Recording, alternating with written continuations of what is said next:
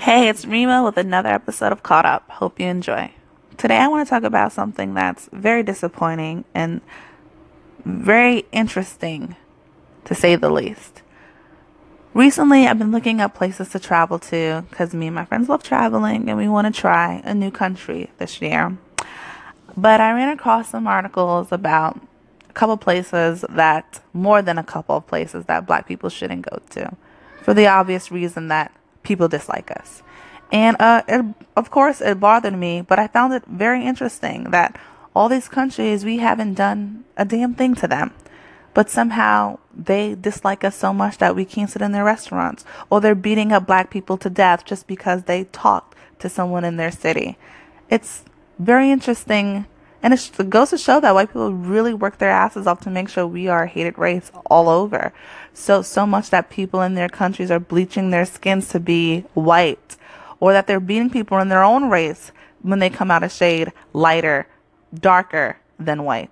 It's very interesting. It's so interesting that people, even in the Caribbean, who are black people, black people, feel like they're better than other black people, American black people.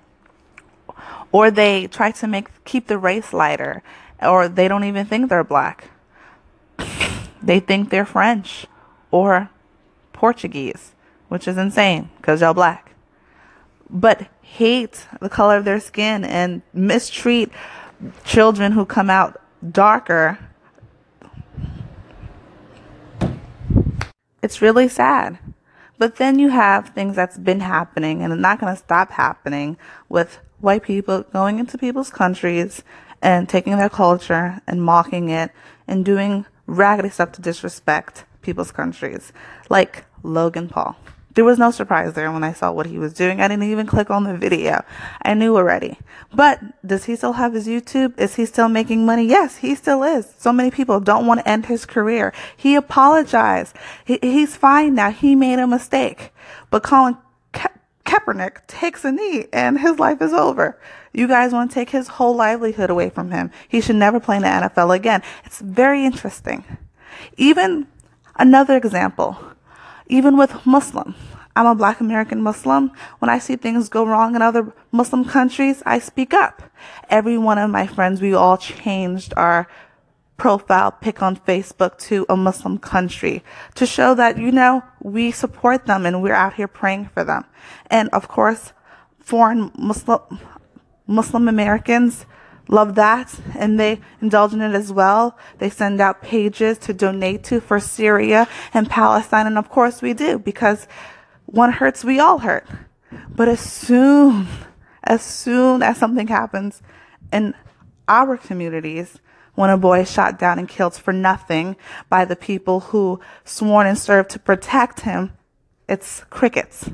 Nothing is said. No one wants to speak up. All of a sudden, we're not a race. We're, we're just the human race. I can't support Black Lives Matter. It's not just Black lives out here. I even had a teacher back in the day. Recently, I found her on Facebook. She used to be my history teacher. When the Muslim ban happened, she was out rallying and everything, and she was on the news. She posted it to her Facebook and all her friends congratulated her for standing up for what's right. She's so amazing. Oh, Miss So and so, you're the best for this. And she decided to respond and say, Yes, I want my kids to grow up in the America I grew up in. I was stunned. I couldn't believe she said that out loud. Her being a history teacher, I, I was confused. So I had to ask her, what America is that? Was that before or after the civil rights? Was that before or after Jim Crow? Was that before or after Eric Garner, Sarah, Sandra Bland? When exactly was the America you was living in a great one for everyone? Or was it just great for you? Because no one wants to sympathize with black people. You can sympathize with the people of Syria, the people of Philistine. You can sympathize with the Asian people being mocked by this young dumbass white boy but you can't sympathize with black people getting killed and shot for nothing. You can't sympathize with us not starting at the same line as everyone else, always having a disadvantage in the country we built. That's very interesting to me. That we're constantly fighting. And then, of course, she never responded. My old history teacher, she deleted my question. She didn't want to face the reality that she didn't give a damn about black people. and when you bring it up to Muslims of a th- different ethnicity than black, and you tell them that, hey, you know, we're having a lot going on out here as well. We are oppressed as well. You know, your religion is interchangeable. My race isn't. But of course, they come up with the, we're all one race. Once you become Muslim, that's it. You're Muslim. Nothing else lies. Lies. We're black in our features, in our character, in the way we do things. We are black and we are proud to be black. It's time everybody else caught up to that. That we are resilient, we are strong, we are educated. And people need to start respecting that and sympathizing with the things that we go to go through on a regular basis. Wait, what happened? Thanks for listening to another episode of Caught Up. See you again tomorrow.